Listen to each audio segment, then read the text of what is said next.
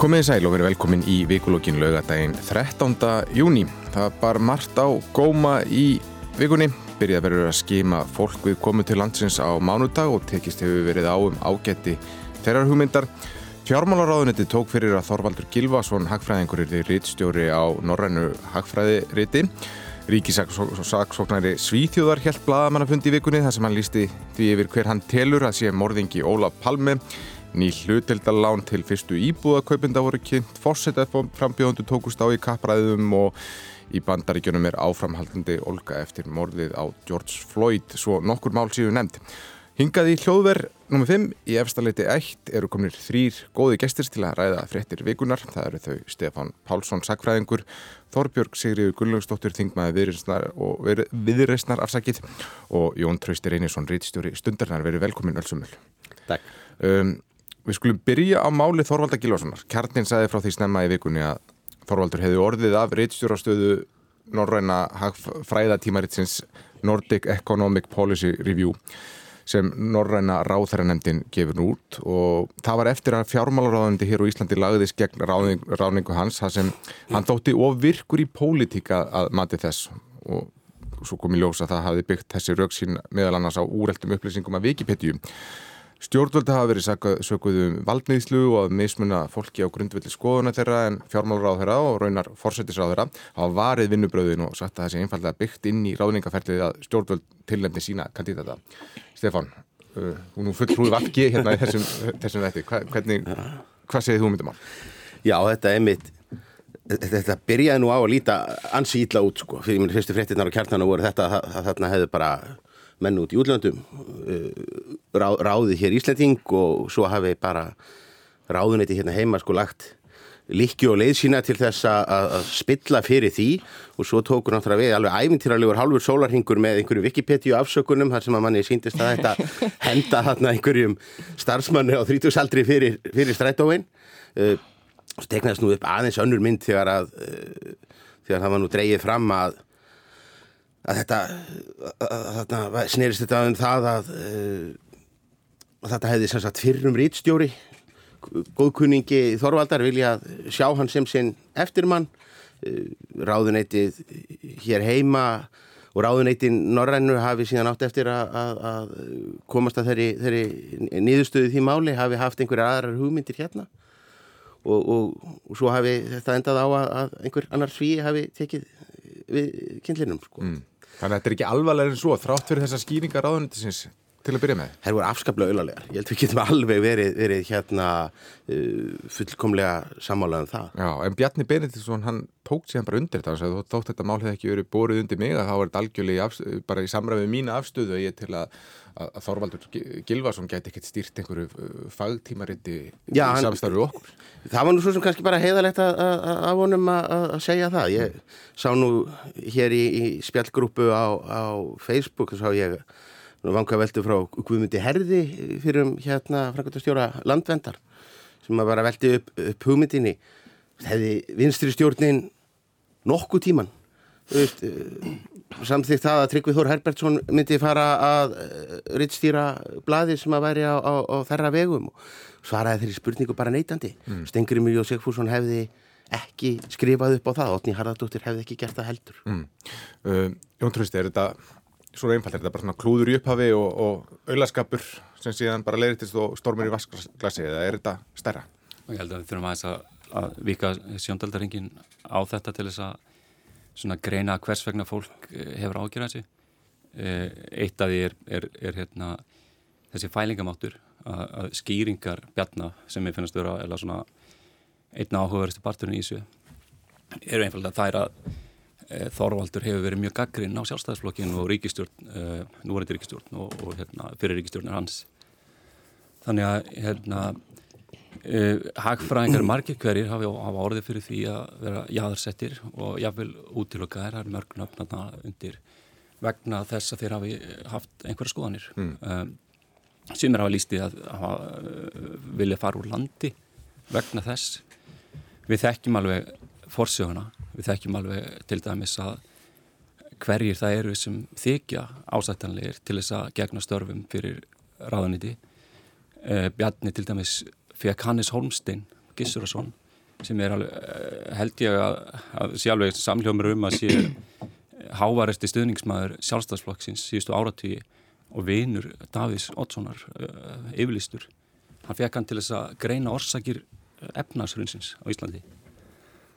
Hann borgaði 10 miljónir að lámarki, ég veit ekki enda luttöluna en þá gefið 10 miljónir á skattfíja til þess að fá Hannes Holstein í að vinna þetta verk fyrir hönd já, sína en ekki þjóðranvæntalega vegna þess að þetta er á endan spurning er fjármálaráðanetti við eða er fjármálaráðanetti uh, Bjarni og sjálfstæðsflokkurinn og það máið þetta alltaf, alltaf, alltaf deila um það, mér langar eins og það að horfa þetta líka út frá uh, því sjónarhörni um leið þá að þetta eru skattpenningarnir okkar sem er að fara í þetta uh, hvers vegna er skattpenningarnir okkar að framfylgja einhverju sérstakari sjálfstæðisstefnu eða bjarnastefnu í þekkingarmiðlun eins og þetta er hitt á, á að vera þekkingarmiðlun á Norðurlöndunum mm. um, og, og eins og tilfelli Hannisar það var niðurstaðan alltaf gefin að, og en, ég veit ekki um neitt sem hefur verið að taka sérstaklega mark á þessari, uh, þessari skýrslu Hannisar um erlendur orsakir hrunsins vegna þess að hann er, hann er hérna, það þekkja allir afstöðun hans fyrirfram. Mm.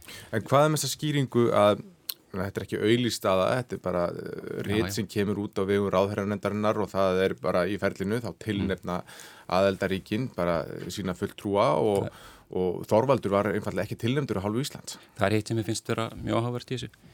Það er þessi hérna, munur sem við sjáum oft koma upp á íslenskri stjórnmálmenningu og norrætni mm. Á þess að taka afstöðu til tilfellist Þorvaldar sem er að mati bjarna uh, hæfur hagfræðingur en bara á annari skoðun en hann eða sem sagt hann hefur gaggrind hann. Uh, við heyrum það alveg á þessum reitstjóra hugsanlega þessum fráfærandi reitstjóra sem, sem bendi á Þorvald uh, sem, sem Stefán segir þetta að sé eitthvað félagans, ég, ég þekk ekki til þess. Nei, ég las það bara í, í, fréttinni kjartanum ég hef henga hugmyndum það hverjir eru vinnir eða að hann er mjög hissa á þessu. Mm. finski fulltrúin er mjög hissa á þessu og talar um að hann myndi aldrei leifa bein politísk ingripp Eh, það, það er bara önnur stjórnmálamenningi á Norrlundunum mm. tökum sem dæmi bara fjármálar á þeirra Finnlands saði af sér bara nýlega. Af hverju, mm.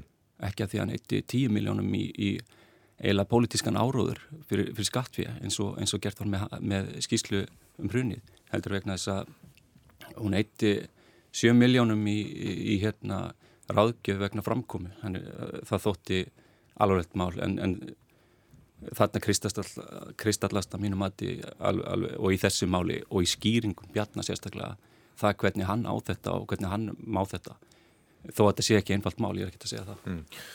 Þorbjörg, Sýrur mm. hvernig, hvernig kemur þetta þér fyrir sjónir? Já, ég hérna daldís eh, tek undir með Stefáni þetta fór þetta mjög svona bratt af stað.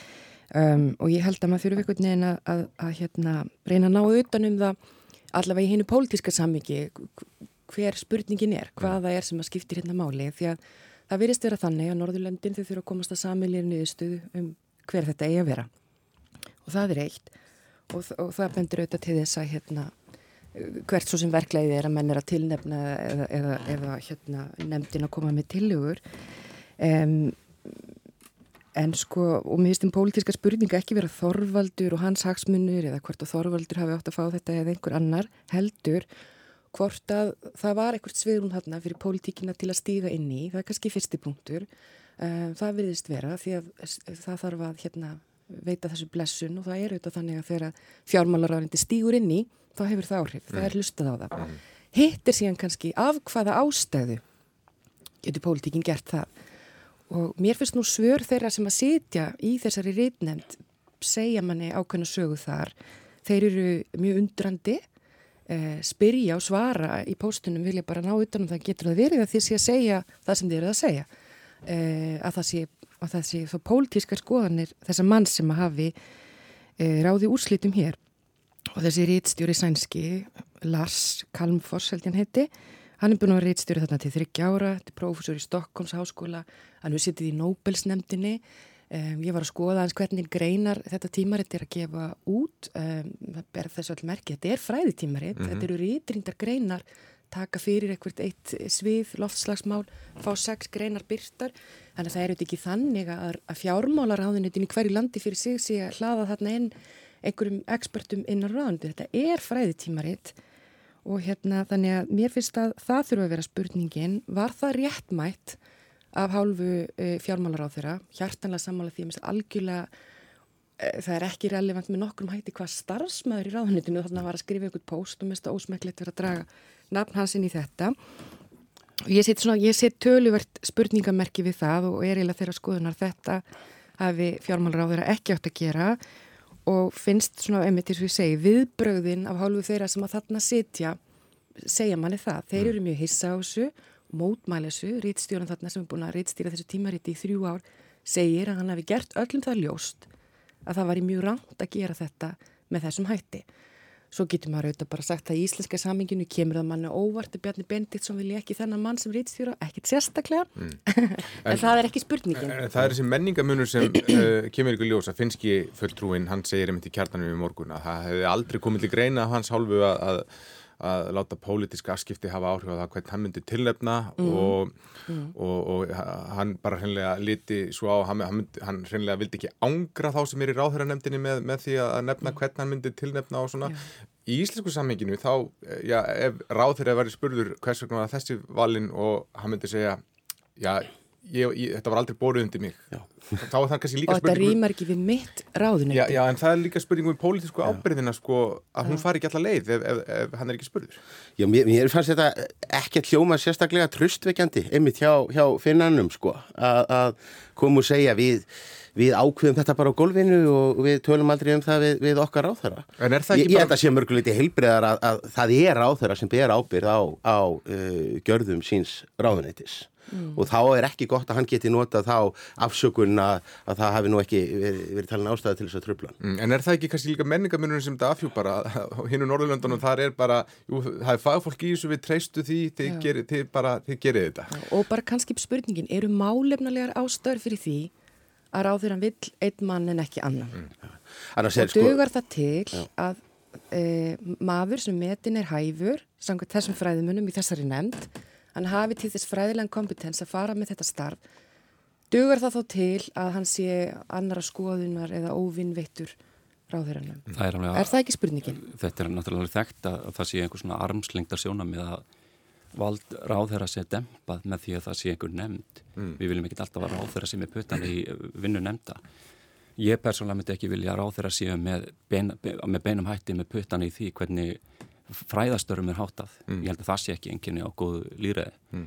og, og hérna, ég held að nor norrannu aðlæðin sem kom að þessu sjáu þetta með þannig að þetta sé fræðiritt sem er vissulega fjármagnað af, af, af fjármálar ráðendunum en sé uh, með, með óháð störf að, að, að miklu leiti en það held ég að nota gildi fyrir hérna, þessi ríki liggi í, í því að þetta sé sjálfstað, séu sjálfstað vinnubröð en ekki bara endur ómur af stefnu þeirra. Mm. það þarf að vera rúm fyrir Þetta sé einhverja árskýstur en þetta er ekki þannig. En þessi armslengdar sjónamið þau eru já, að því verist þeirra ekkert byggð inn í þetta ráningaferli Nei, það er náttúrulega þegar það kom í ljós að, að, að það var ekkert um að ræða einhverja nefnd sem að hefði sest yfir einhver, einhver, einhver, einhver nöfn. Þetta, þetta sé að þarna hafi fyrrum rítstjóri skotið upp nafni mm.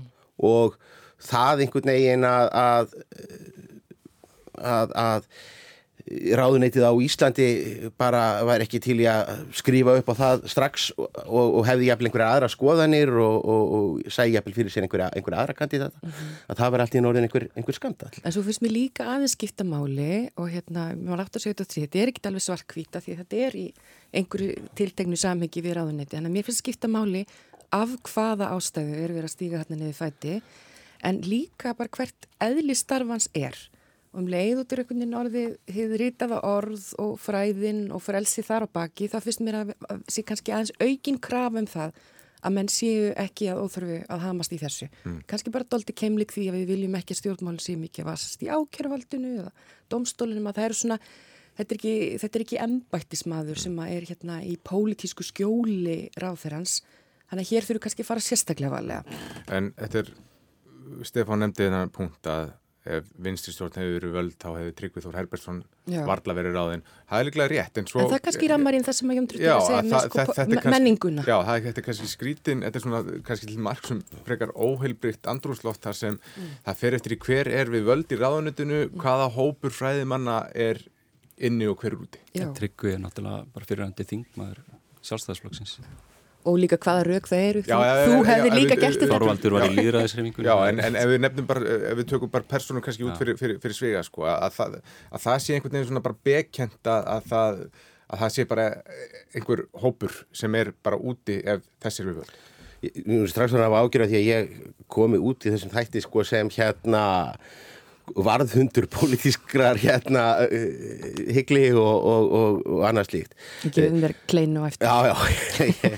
Eh, en sko gott og vel. Eh, Við höfum langa og oft ljóta sögu af því að, að, að, að pólitík hafi, hafi ráðið mm. för hér, hér, hér heima.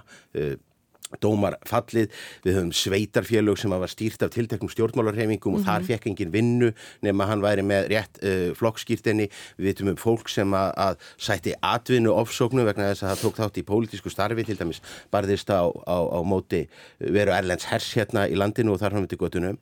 Uh, mér finnst það að vera pingu lítil bara uh, afsakið segja mér að vera pingulítil gengisfelling á uh, hugtækinu sko berúfsferbót eins og, eins og ég sjá hér í einhverju einhver umræðu.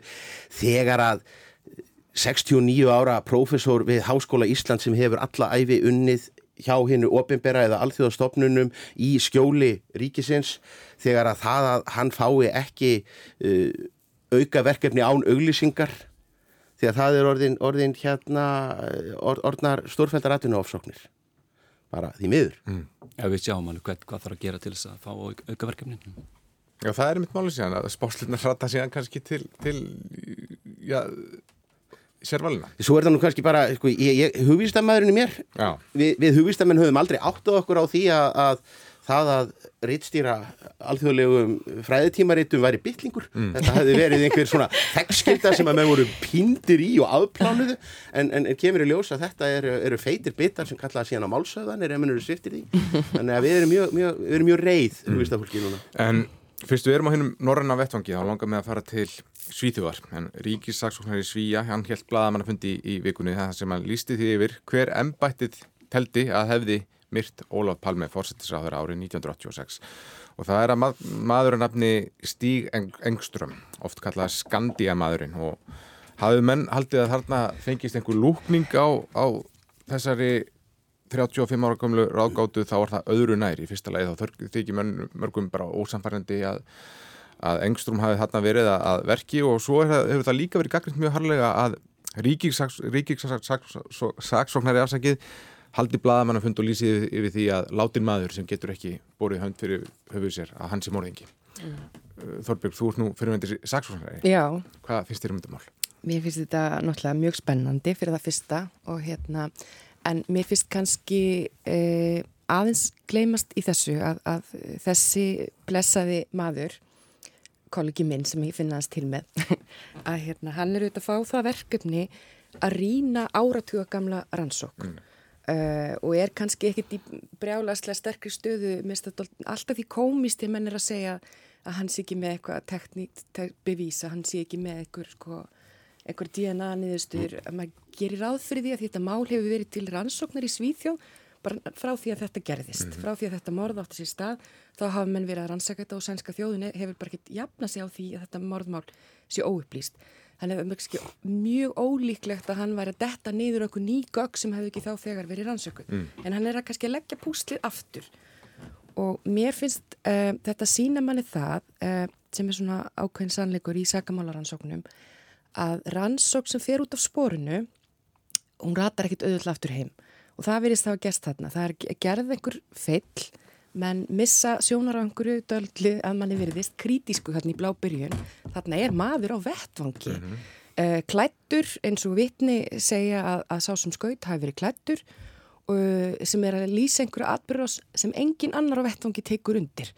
En uh, það er einhvern veginn verið samt ekki vera til þess að menn eldi það af neittni alvöru. Þannig að það hérna mér sniðistan fyrst og fremst vera svo að það eru gerð mjög afdrifarík mistök þarna í rannsókninni sem að mönnum tókst á sínum tíma ekki að vinda ofan af og síðan er þetta bara þetta gamla góða eins og ég er oft í sakamálum og oft í dómsmálum að, að, að, að fólk sem að les fréttinar við erum öll orðin sérfræðingar í palmirannsókninni. Mm -hmm. Vitum að þetta var ekki sannfærandi niðurstaða en, en hvað vitum við? Við erum eitthvað tvo-þrjá punkta um það að hérna framburðin hans hafi verið svona og það hef ekki passað við hitt og þetta en nú er allir þeirra skoðunar fyrst að bissan ekki fannst, hvað hefði bissan sagt okkur í dag? Mm -hmm. að þá geti þetta bara ekki verið svona um, og ég held að saksóknari sem að gengur þetta langt að segja að þessi maður sé undir rauksundum grunn að hafa gert þetta Þú, þú þarfst að ná ákveðinu þröskuldi til að fara þangað og væntalega er hann læs á það að, að þessi, þessi aldagaggrinni kæmi á hana því að maðurinn er látin að menna, hann hefur eitthvað mm.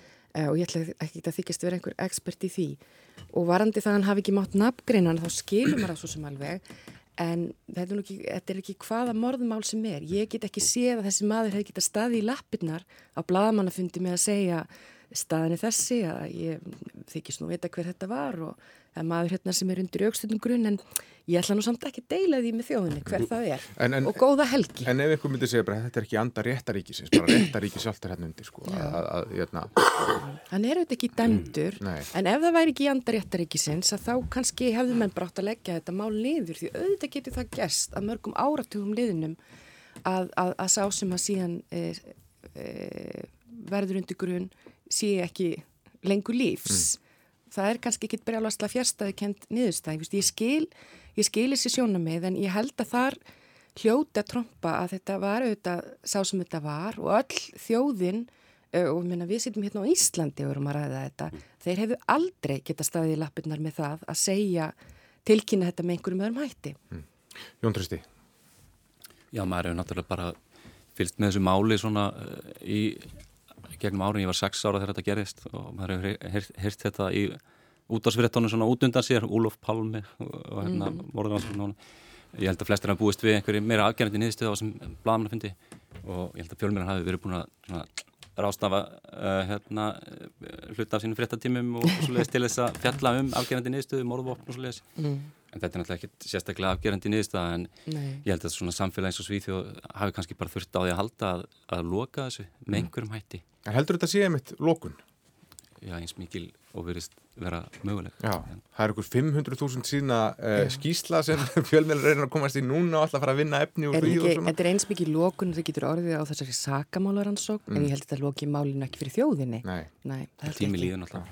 Stefan? Nei og svo erum við bara stödd núna bara árið 2020. Mm.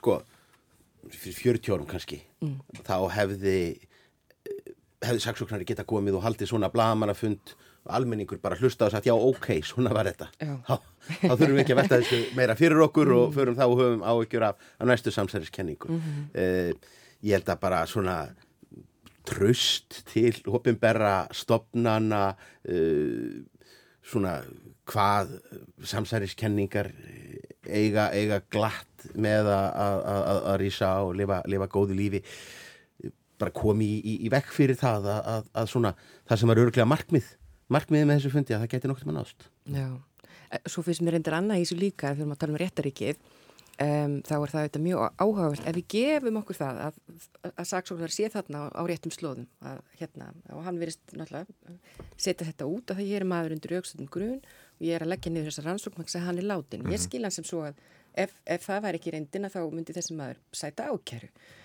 og síðan er þetta domstóla að svara því. En domstólar svífjóð hafa þetta og það finnst mér nú líka liður í þessu, þessu sári og, og veist, alltaf því nextli annar maður sætti ákjæru og það er nú líka ja, kannski anda samsælkenninguna, hann er alnafni þessa saksóknara. En það var maður ákjærður fyrir þetta morð og hann er sakveldur í héræði og svo er hann síknaður af, af næsta domstígi eh, og hann sanga þessu er þá uh, saklaus sem að domstólinn var náttúrulega búin að koma stað á sínum tíma eða síknaður um, hvað það er líka ofsara alvarleg staða mm. Það er oft talað um hvað lærdóm við getum dreyið að málum og svona, ég veit ekki hvort að lauröklan og dómskerfið í Svíþóð hafi þegar dreyið sin lærdóm af, af þessu máli en er þetta til þess fallið að nikja meira á því bara eins og þeim alvarlegu mistöku sem virðast að vera gerð í upphafi rannsóknarna? Það held ég og ég seti hérna ráðstöfnir sem að það verið svona aðeins verið brífað um hvað þarna var á segði en var bara mjög svona yðborskend, ég held að sé náttúrulega annars verið bara tíminn.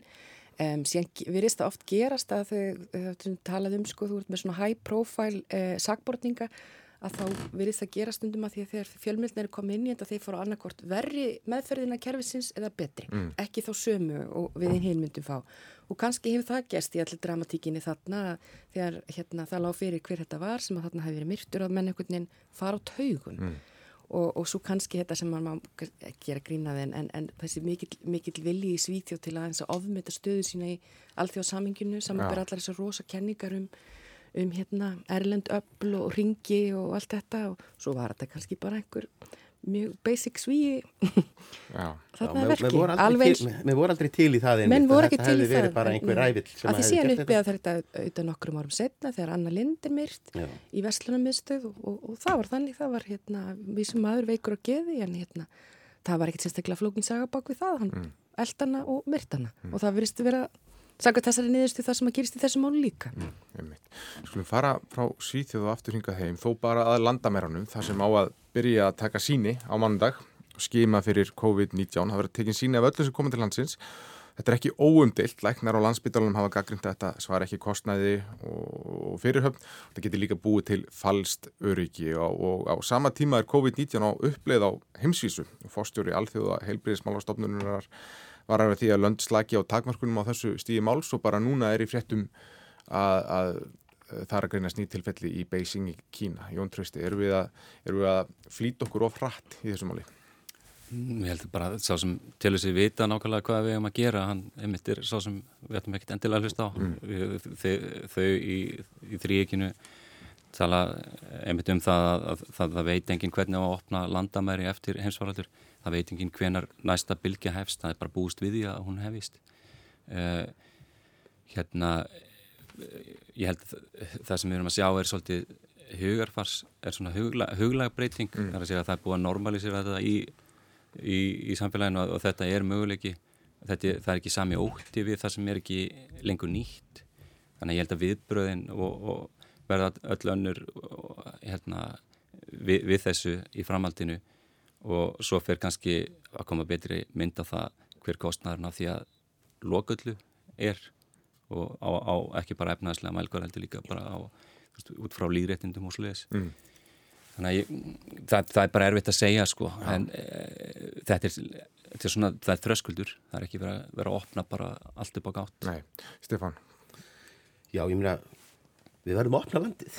Það, það, það kemur alveg að því og, og ég veit að það sé kannski ekkert, óskilsalegt einmitt að Það getur skilið millir milli bara feiks og ófeiks bókstaflega að gera það núna eftir fjóra mánuði. Uh, Sko, mér finnst menn, menn tala dálitið um þessar lokanir og, og það sem að aflétta því eins og þetta sé sko persónlegu greiði við Jóhannes Þór Skúlason. Og, og, og við séum að gera þetta til þess að hjálpa nokkrum hótelum á mývatni mm. uh, á meðan að fyrst og fremst og ég er alveg sannfærður um það að oppin af ferðalögunum í byrjun það eru við sjálf það eru, eru verða íslettingar á, á, á faraldsvæti og það, þeir útlettingar sem hinga að koma verða í flestum tilvikum fólk með tengsl fyrir landið uh, bara sko, það, það, ástvinir hérna, fólk sem á ástvinni hér á, á landi þú veist, bara börn uh, vinnutengsl. En það er ekki tilviljun að fyrsta erlenda flugfélagið sem að, að tilkynnti um fluginga það var visser til að fljúa frá Pólandi það er ekki vegna þess að austur-Európa búar sér allir að fara að gullnaringin það er bara vegna þess að, að það er fullt af, af, af fólki hérna heima sem að, að bara svona þjáist vegna þessa ferðarbans þannig að það er bara mjög jákvægt að við séum að svona aðeins að stíga að bremsunni Ég hef prívat kenningum það að okkur, okkur hefur tekist nokkuð vel upp uh, í, í að kljástu þennan faraldur. Ég held að það sé að því að við kunnum að keira í hálku. Við bara neglu við, áttum okkur að því að þú í hálku, þá bara neglir þau ekki, ekki, ekki niður, heldur svona smá tillir þau fætinum á, á, á bensikjöfina og mér sýnist þessi opni núna að vera alveg í, í takt við það. Mm. Þorbjörg? Já, ég menna, auðvitað þarf að opna Já. og þetta er bara spurningum hvenar og mér finnst það kannski líka að verða orðindaldir svona ég segi ekki hættulegan umhugsunar eh, verð nálgun þegar við erum einhvern veginn að raukstiðja við erum ekki lengur að raukstiðja takmarkanir heldur við erum að raukstiðja sko frelsið. Mm -hmm. það, það hlýtur að vera normið uh, en, en hérna en auðvitað heyri maður það og ég menna ég sjálf þar maður svona að maður er stressaður, við hefum náðu þessum góða árangri uh, erum við að tefla honum í, í tvísinu með að gera þetta svona. Að því sögðu að þá hefna, hef ég hlustað á rauksendir sótvarnalæknis og landlæknis um að þetta sé kannski góður tímum til ljósi þess að það verði ekki mikil þungi og það sé það hægt að bregðast við og, og ég er ennþá þeirra skoðunar að að hérna, sérfræðingarnir, bara þeir leið okkur í gegnum þetta. Hitt fyrst með síðan kannski vera útvæslan og þar kemur pólitíkin inn. Mm -hmm. Og ég verða að segja að ég hef af því tölvöld miklar ágjur um, að núna eru náttúrulega bara, það er í dögumtalið hvernig þetta á að gerast. Um, og ég held að það sé vega mikil fórsönda fyrir því að það er, mér heyrist vera stuðningur við þessa aðgerð að opna og opna með þessum hætti. Það er auðvitað þessi sínataka, það eigi að skima á flugvöllinum. Og þá finnst mér við ekki geta verið svo róleg sem við finnst ríkistjórnum vera með það að við erum að horfa mjög líklega fram á verkvall hjúgrunafræðinga sem annars vegar finnst mér mjög líklega og hjúgrunafræðinga segja það sjálfur muni hafa áhrif á þessa skimun og síðan auðvitað bara þessi þungi eins og menn hafa talað um að það fyrir við í raun og veru bara einhverja eina innlögn á spítala til þess að þeir færi okkur eitthvað tæsta viðbúnasti eða hvernig sem það var orðað mm. að við séum þá með þá stjætt sem er ryggjast ekkið í helbriðskefrinu í verkvalli og, og það sé einhvern veginn ekki öll rauð ljós í gangi vegna þeirra stöðu. Mm. Ég skilða það ekki. Um, já, þetta er bara erfið staða sem er uppi. Mm. Svo náttúrulega, ef maður ætlar að framleggja líkingu Stefáns og, og lendu oft í því að þurfa að fara gegnum skapl, þá var maður að gefa svolítið í mm -hmm. og passa sig að blindast ekki í kófinu. Frábær líkingamál svona í júni. Já, mjög stert. En, en af því að við við segjum þetta, við treystu þrýikinu, við treystu sérfræðingum en svo koma aðri sérfræðingar, smittsútum að læknar á, á landsbytalunum og, og þeir bara gælda varhug við þessum skimunum og segja að þetta bara býr til fallstöriki, þetta svarar ekki kostnaði mm. kom heilsuhagfræðingur til að löfi áskristóttur og sagði, kostnaðurum við skimunum ætti að vera miklu herri, þetta var 50 skall, bara já, þeir sem já. koma bara borga allan ágóða, hvað á okkur leikmunum að finnast? Er ferðamönnum, eða þeim sem koma eitthvað til lands til að hitta ástvinni Já. heldur en almennum ferðamönnum sem eru í minni snertingu við, við mannfjöldan en ég held að eh, einhvern veginn verður að halda áfram mm. En verður ríkistöndin ekki að leysa uh, kæra deilu uh, hjókunarfræðinga? Jú, ég meina það, það lítur bara að vera partur af þessu. Menn, menn hafa verið að tala um jafnvel að gera þetta, fara einhvern veginn fram hjá hjókunarfræðingum, gera þetta án þess að þeir komi við sögu, ég meina... Ég, ég ætla svo sem ekki að ég ætla svo sem ekki að þykjast vita nákvæmlega hvernig ferðlarnir eru í því við erum nýbúna að við erum nýbúna að vera, vera svona klappand okkur á bakið yfir því að við höfum sko að íslensk erðagreining hafi sko tekið þúsundir og eftir þúsundir sína og mm. þannig höfum við svona sínt heiminum hvernig eigi að gera það mm.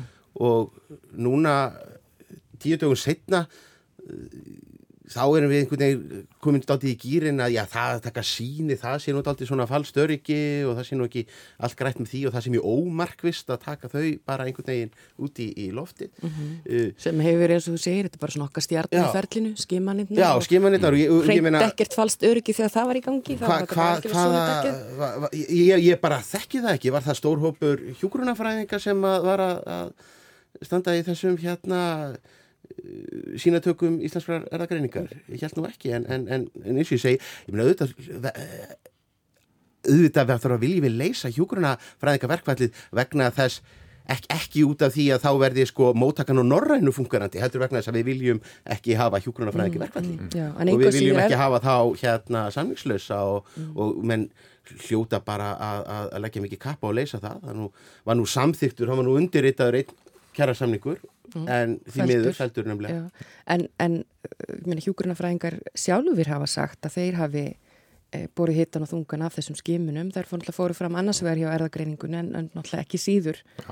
af halvu spítalans. Já, en það er skimun enginalösra sem, sem uh, menn eru svona að setja fyrirvarfið. Já, já, já, já akkurat. En, en svo finnst manni líka því að er það ekki, það er 2015 að með minni sem að hjúgrunafræðingar lenda í því að, að hérna, þeirra deila fyrr fyrir kjaradóm uh, afleggingina því var það okkur flótti úr stjettinni uh, og ég bara vona að það verði ekki niðurstaðan aftur. Að ég vona að uh, það nást fram samningur sem að stjettin verði sátt við og, og samþyggi og mér finnst ekki verið hægt að líta alveg fram hjá því að það gerist núna öðru sinni með þessa mikilvægu stjætt sem er enn kvennastjætt og hvernig það er alltaf þessi staða með þær að það verið vera erfið að sækja fram réttmættar kjarabættur. Mm, einmitt á þessum tíma þar sem við erum búin að vera hampaði með mitt sem hetjunum sem kom okkur Já, í gegnum, já, já. í gegnum Okkar hennar skap. bestu menn, en ætlum við að semja Svo það nýr veruleiki, bara efnaðslega.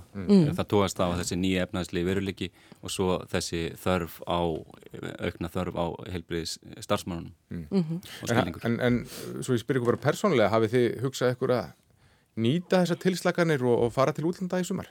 Nei, það, það, nei, ég finn það einhvern veginn í, í að mér, finnst það einhvern veginn ekki vera inn á ratar að gera það, heldur verði e, íslenskt sumar sem er þetta bara tilhaukunur efni, en mér finnst ég, ég hugsa ég, mér myndi bara einhvern veginn ekki alveg líða vel með það, að vera að fara á, á ferðarleg og ég ætla að heyri það svona aðeins í kringum mig að hérna, fólk er eftir þennan vetur, þá er maður auðvitað aldrei smegur. En þú, Stefán? Ég er alveg, alveg uh, á sama stað og ég held að hálf heim- heimsbyggðin sé það. Já. Ég held að áhyggjurnar af því að, að, að, að það séu sko torfurnar af túristum sem að, að, að vilja endilega fara og skoða jökulsarlón núna og það séu bara, sko, við getum bara stoppað þau í, í, í, í leifstöð. Ég held að þessi hópur sé bara ekki til. Nei, og það er Ég- kannski líka hættulegt hvað varðar væntingar ferðarþjónustunar. Mm. Kannski, kannski verður þetta ekki haf ferðamanna sem hinga að koma. Já. Ég meina, og af hverju ætti eh, við höfum tröll að trúa okkar heilbriðiskerfi en, en, en af hverju ætti einhverjum, einhverjum útlendingi að finnast það vera áhyggjulaus tilhugsun að, fara til Íslands að því að hérna geti hann nú ekki veikst og, og hann er nú hér í, í, í góðum höndum á, á landspítalanum? Ég held að, að menn uh, svona almennt sé þá vil ég fólk nú bara e- ef fólk sé á annað bara að taka upp á því að veikast þá vil að gera það heima hjá sér Já, Trausti, þú nákvæmlega. út á landi, út í heim? Bara ef, ef ég hefði verið lokaður inn í íbúð í, í, á Ítalíu eða Spáni í, í sex vikur eða hvaða var þá hefði ég örglega hugsað til þess að geta komið til Íslands í allt landrimið og svalan og allt þetta. Það er ma- maður er svona sálfræðilega séð held ég að staði Íslands sé ágætlega sterk mm -hmm. hvað ferðarþjónustuna var allir lengri tíma Já. En að fara til útlanda á sumrin eh, frá Íslandi, ég, trú- ég trú ekki sérstaklega mikið á það Það- þetta er náttúrulega bara einstakur tími og við gjöldum með myrkrinu þannig að það er eins og þetta taka þetta út Við gjöldum með myrkrunu, þetta er nú bara þetta er setning, setning. Já. Getur ljóðabók? Já, um, ef þið voru að koma að viðtækjanum þá er það að hlusta á vikulokkin og gestir mínir eru Jón Trausti Reynisson, Þorbjörg Sigriður Gunnlaugsdóttir og Stefán Pálsson. Um, Ásmundur Einar Daðarsson, félagsmálaráður, hann tilkynnti í vikunni, eða svona kynnti hugmyndina um svo kvöldu hlutildarlán og það er lán sem ríkið allar að veita til að hjálpa fólki að kaupa sína fyrstu íbúði eða ef það er að koma aftur inn á fastegnamarkaðin eftir að minnstakosti fimm ára fjárveru og þetta, þessar hugmyndir gang út á að ríkið lánar fólki 20% af kaupverði íbúðar án vaksta og afborgana í ákveðin tíma. Kaupandin þarf að reyða fram 5% af kaupverði sjálfur, getur kannski verið 2-3 miljónir uh, og fjármálastofnanir lána þá 75%. Er er hérna komið svarið við því sem við erum alltaf búin að vera að býða eftir að, að, að ungu fólki sé gert kleift að koma þakki yfir höfuðið á þess að þurfa að reyða, sig, að reyða sig á meðgjöf frá fóreldrum eða, eða lottovinning.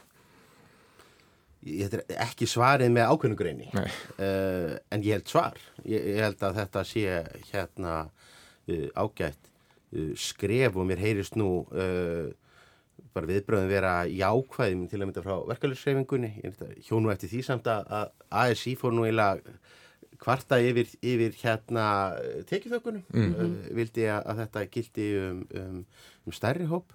Og meðan að ég skildi nú svo, svo að það hefði nú verið lagt upp með það sérstaklega að hjálpa tekjulegstu og, og ungu. Mér finnst pingu skrítið að og kannski munum með þá bara bætur því í framtíðinni að vera að binda þetta við uh, nýbyggingar, nýhúsnæði Já, uh, ég meina það mun ekki gagna selmur fólki út á landi. Nei. það eru, það eru, það eru stór svæði út á landi þar sem að eru engar, engar nýbyggingar í, í, í íbúðahúsnæði en ég meina ég held að við hljóttum að, að fagna öllum skref Já, nema þá bara nýbyggingar sér skilgreyndar í svona víðari tímarama Það er spurning. Já, Trösti, þegar sumir hafa talað um að hafa rifjað upp um, þegar framsunaflokkurinn hækkaði mm. uh, hámarki upp í 90% þar sér hlutdeildina sem íbúðulegna sjóður uh, veitti og þá komu bankarnir í kjölfarið og, og, og, og það þeitti húsnæðisverðinu upp sem átt upp þessa og vexti lági núna Já, og allt þetta. það vísir hagsveiflan í auðu átti núna tímabundið, kannski Já. bara kannski er þetta örstu dífa þó Já. að fæsti sér hún að spá því Já, en hvernig líst þér á þessar fyrir ætlanir? Já, ég, ég náttúrulega uh, sé hérna ásmundur einar uh, byrt, byrt á Facebook hérna sponsorðafæslu um að um að Ragnar Þór Ingólfsson og, og uh, Sigur Hannesson frangastur samtakaða innarins séu sammála um þetta sem, sem svona einhver merkileg tímamót. En ég er alveg sammála því sem Stefán segir að, að þessar takmarkanir gætu hitt ítla á, á hinbóin þá, þá er þetta það sem hefur verið held ég í þessu góðari okkar síðustu ár. Þá hefur þetta verið svona ég segi ekki smánarblettur en samt svona það, það sem mann hefur, man hefur þótt vera verst að horfa upp á það er eh, hvernig eh, hækkandi fastegnaverð eh, og leiguverð hefur komið niður á, á ákveðnum hópum til dæmis ungu fólki og svona þrátt fyrir að ójöfnuður hafi, hafi minkað og tekjur hafi hækkað þá hefur þetta svona týnst í tölfræðinni að hagur þessa fólks hefur bara ekki verið sérstaklega góður og fólk hefur ekki skilið okkur að þessi vera, að margir hafi ekki skilið okkur að þessi vera að tala um fátækt eða, eða eh, að fólk hafi, hafi það slæmt. Eh, en, en það bara skí, skí, var bara hægt að sjá þarna einhver, einhver brot af mannfjöldanum uh, tiltölulega stort brot sem að haf, hafði það bara verra vegna þessara þróunar. Mm. þannig að ég held að þetta sé alveg uh, svona við fyrstu sín flott, hérna, flott leið til að mæta því. En ekkert í kortunni er eitthvað í aðstæðum eitthvað núna sem bendir til þess að það fari ekki eins og uh, já, fyrir í, svona fljótt eftir aldamot þegar, þegar lánin fór upp í 90%, jafnvel 100% og, og, og eftirspurning var svo mikil að það bara hækkaði verið. þetta er náttúrulega ekki, þetta er ekki almenn aðgerð en, en á fastegmarkaði hefur það verið að gerast undarfarið að það verið að bjóða upp á meiri viðbótalán Mm. fyrir nokkrum árum var held ég, held ég eina leiðin til þess að fá einhver svona eh, hæ, einhverja hæ, hækkað hérna skuldsettingar hlutfall að e, skipta við framtíðina mm Mhm. sem sagt hérna lánasjóð frá, frá gamma Já, og á mjög háum vöxtum. Þannig að ég held að þetta hefur alveg verið að gera smá saman en það hefði ég haldið að fastegnumarkaðurinn ég hefði haldið fyrirfram að fastegnumarkaðurinn er í mi miklu vandræðum núna. En hann, hann er það ekki vegna þess að þú ferð, ferðamennir er farnir, Airbnb áhrifin. Við hefum eftir að sjá hvort að elendi starfsmenn í ferðarþjónustu fara úr landi og, og, og, og fjöldi nýbygginga sem er akkurat að koma inn á marka en bara svona auðvitað á, á, á vestatíma sko, eins, og, og vanlega Þann, þannig að kannski kemur þetta bara til móts eða að móti sem svona eh, til jafnaðar mm. Þorbjörg, hvernig líst þér á þessar? Ég, hérna, ég held að það sé mjög gott markmið þarna að baki og að því hérna, hér var nefnd sko fátæktin og, og markmiðið eru þetta að hérna grípa eh, hóp eh, tekjulára að þá eru að, sko allar tölur og öll gögn eh, segja okkur að, að íslenski verilögin sé, þá, sé sá að sko staða á húsnæðismarkaði og heilsufar. Þetta eru svona þeir tveir þættir sem að hafa langmest um það að segja að fólk festist í þeirri stöðu. Uh, Íslensku fastegnamarkaður eru ólíkur þeim sem eru á Norðurlöndunum, hvað það varðar að hérna, uh, við höfum líka tölur sem að segja okkur það að þeir sem eru á leigumarkaði eru á leigumarkaði vegna þess að þeir neyðast í þess. Það er ekki val eins og á Norðurlöndunum uh, og við höfum ekki verið með kaupleguformi hérna í daldinn tíma. Uh, og hérna fólk sem ekki stends greiðslumat er að greiða hærri leigu heldur en að hérna, mati segir til um að það myndi ráða við í kaupum. Þannig að fólk sé fast á leigumarkaði vegna þess að hérna, einfallega vegna þess að get ekki keift þannig að allt sem að hjálpar þessum hópi að kaupa eh, er auðvitað gott. Um, ég eins og Stefán sitt svolítið, svolítið spurningamerki við þetta þessar nálgun sko að hér undir þurfa að vera nýjar íbúðir um, það er augljus landsbeðvingill á því en þú ert líka þannig að taka frelsi fólk sem það hvar það ætlar að búa. Og, og ég veldi fyrir mér sko mest ofta maður að setja einhverja reglu og hugsa hver er afleggingin eru við mögulega farin að teikna þá upp einhver hverfi? Það sem að fólk eh, hérna í ákveðni stjætt eða ákveðni tekjuhópi mun búa uh, síðan er þetta með, það er eitt skilir að, að hérna menn uh, noti sérregnarspartnaðin, hann er þetta uppalega ekki hugsaður í þessum tilgangi heldur mm. sérregnarspartnaðin þjóðnar öðru markmiði og mér finnst þurfa miklu meira pólitísk samtal um það hvaða verkværi ert að taka fólki til lengri tíma ef þetta er alveg skilir til að fara þarna inn. Ég held að þetta hafi ekki dramatísk áhrif á, á fastegnamarkaðin vegna þess að þetta er einfallega oflítið yngrepp. Þetta er ofáar íbúðir og þetta er hérna ofláar tölur til þess að þetta fari rugga þannig inn. Um, en síðan kannski bara svona almennu varnaður orðin myndi vera að sem að ég svona sem nýr þingmaður og er að máta mig í því starfi um, svona lagasetning er að koma fram núna bara í lokþings, þetta mál var ekki sendt út til umsagnar og mér finnst einhvern veginn að svona mál og svona hugmynd og svona pólitík, hún, hún þarf að fá að bara hún þarf að fá að hérna liggja aðeins og þroskast og hérna menn getur svona aðeins betur séð fyrir sér hvað verður. Mm. Þannig að áttu þá ekki endilega vonaði að þetta fari gegn núna á Eh, það er kannski meira ágefnu að þetta fari í gegn hérna að, að því sögur sko ég stið þetta markmið en maður verður aðeins að geta rínt í það hvað erum við raunverulega að gera hverjar verða afleggingarnar náum við fram markmiðunum, hennum góðu markmiðum. Ég er ekki viss. Þetta er einmitt, einmitt aldrei góðu punktur eh, líka þetta. Er ótrúlega lítil umræðum þetta. Alveg ótrúlega lítil. og, og, og, og í vikunni sko þá vorum við að samþykja sko breytingar á námslánakerfinu. Mm. 60% þjóður er að tekur námslán, þetta er sko uh, mikilvægur bara partur af, af, af hérna heimilis fjármálum mm -hmm. uh, fjölda fólks, hvernig það kemur, kemur út til, til frambúðar. Þetta er einhvern veginn slættar.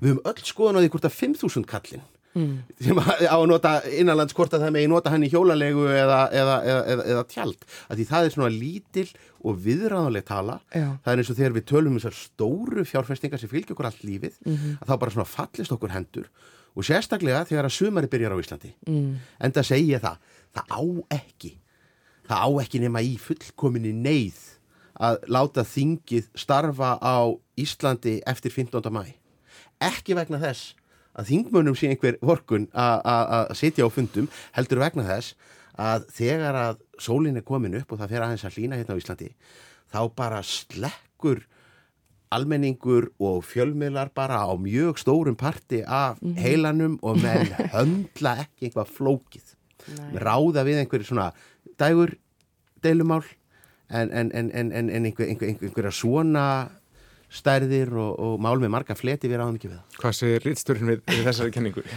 Já, við fyrir náttúrulega í, nákvæmlega jafnlant sumafrí og þingmenn eins og er þekkt. Nei, eh, ég, ég, ég held sko að þetta skýrist mættalega þá af COVID-frestunni og mm -hmm. allt frestast inn í, inn í sumarið og, já, hérna, eh, En finnst þér ætti að að geima þessi svona stóru frumverð fram á hausti þar sem þetta getur fengið aðeins svona ríkulegri umræðu og meðferð?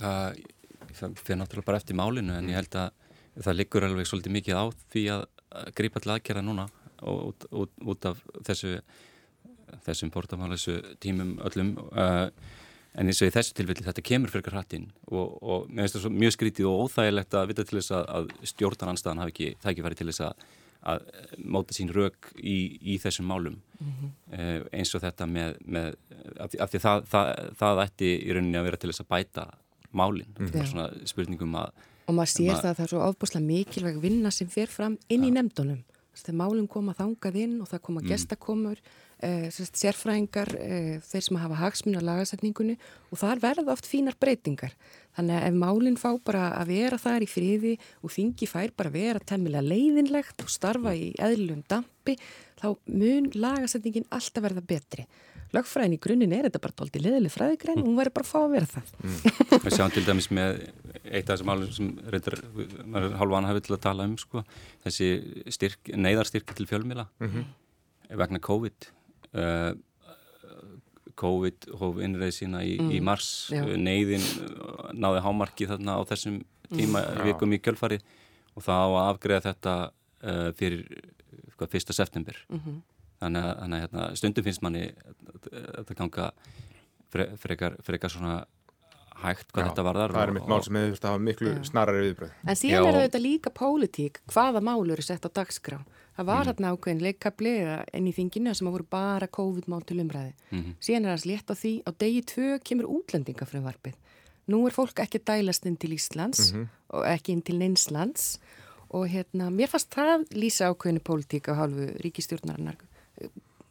Hvað, hvað kallaði á það að akkurat það mál væri svona framalega í rauðinni og ég er náttúrulega mjög litið af því að ég er mjög ansnúðin þessu frumvarpi en a- óháð því að þá er það þú veist, ekkert sérstætt sem að kallar á að, að þingi sé að taka af sínum dýrmáta tíma akkurat núna ég er að þau mál þegar að önnu mál og þú ert að nefna eru miklu viðkvæmari fyrir því að hérna komast e, hraðar í gegn. að var þetta spurninguna áðan rétt að svarni betur að hérna, fólk vissulega les síður einhverja alvarlega fréttir á sumrin og ef það kemur sól þá einhvern veginn er, er, er litla líkur á því að, að það sé verið að lesa einhverja svona, einhvern gaggrinn fréttaflutning en það- ef það er verra veður eða, eða eitthvað þannig það er alveg merkilegt að, að fylgjast með þessu þessu- þetta er alveg rétt að, að fyllítum til En stjórnar anstæðan þarf þá eitthvað hundra dagar regningasumar til að ná í gegn. Við erum ekki til í það. Við hefum nokkra mínútur eftir og við nokkra að nota þær til þess að fara vestur yfir haf. Það er enn mikil olga í bandaríkjónum. George Floyd sem lauruglan í Minnesota drap þegar hún handtók hann á dögunum. Hann var borið til grafar í, í vikunni. Það eru uppi áformum að endur skipulegja laurugluna bandaríska hernum hafa verið að snúa skegn bandaríkjafósita og tala á móti svona hans herskáu afstöðu í, í, í, uh, til, til mótmæluna.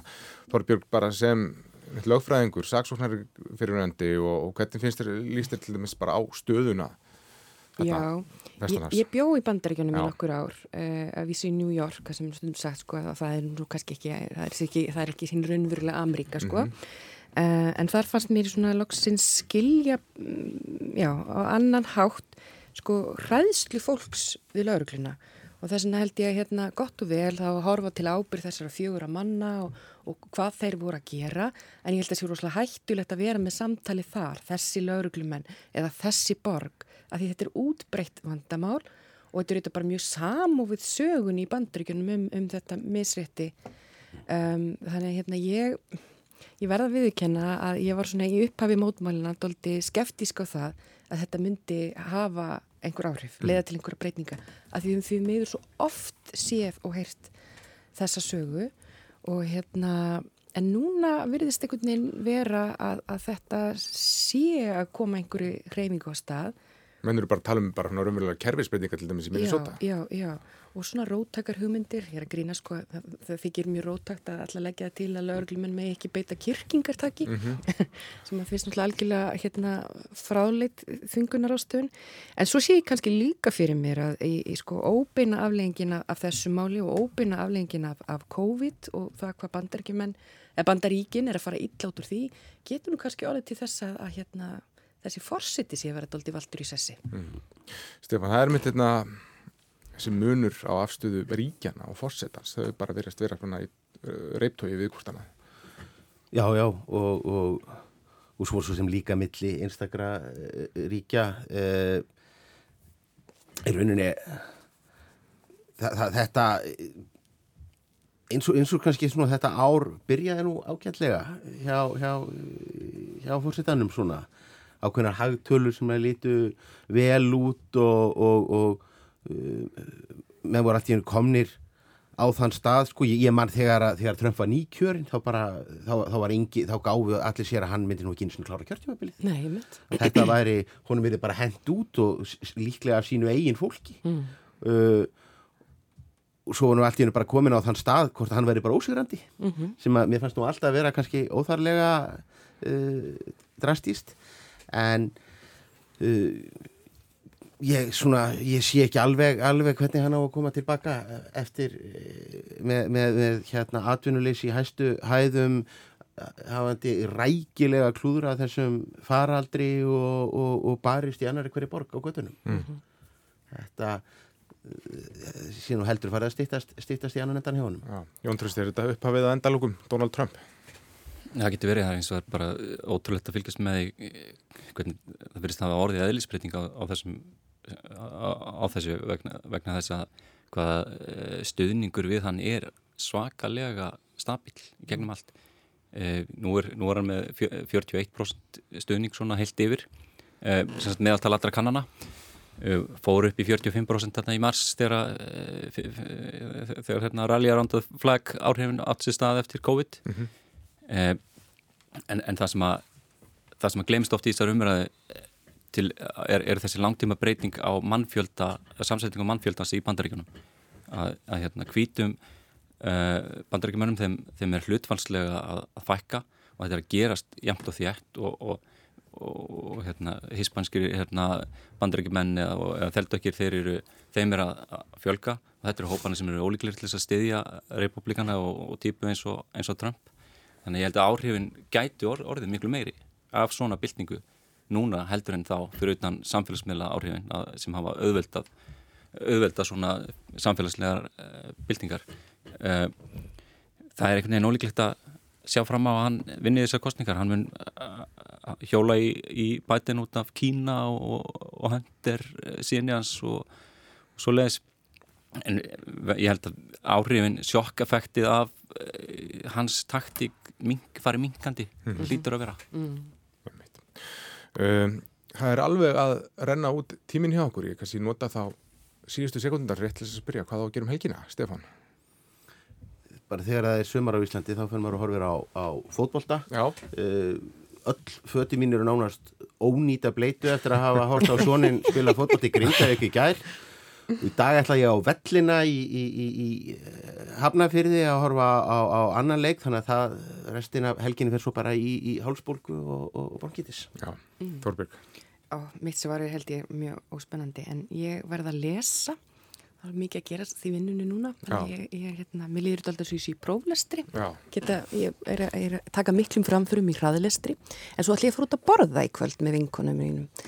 Þannig að hérna ég held að það geti orðið alltaf gott Já, frí frá hennum guðugu leiðindum Já, ég sé takk í fyrirmörpun ekki með mér Nei Nú trösti, hvernig verður helginu þér? Uh, ég, ég þarf að, þarf að skrifa Floknar fréttaskynningar Já, það kemur í ljós hérna hversu flókið verður en uh, svo þarf ég að taka til og ég ætla að reyna að hlaupa upp í fjall aðeins. Dásalegt. Kæra þakki fyrir komuna Jón Trausti Reynisson, Þorbjörg Sigriður Gunnlúsdóttir og Stefan Pálsson og góða helgi. Takk, takk.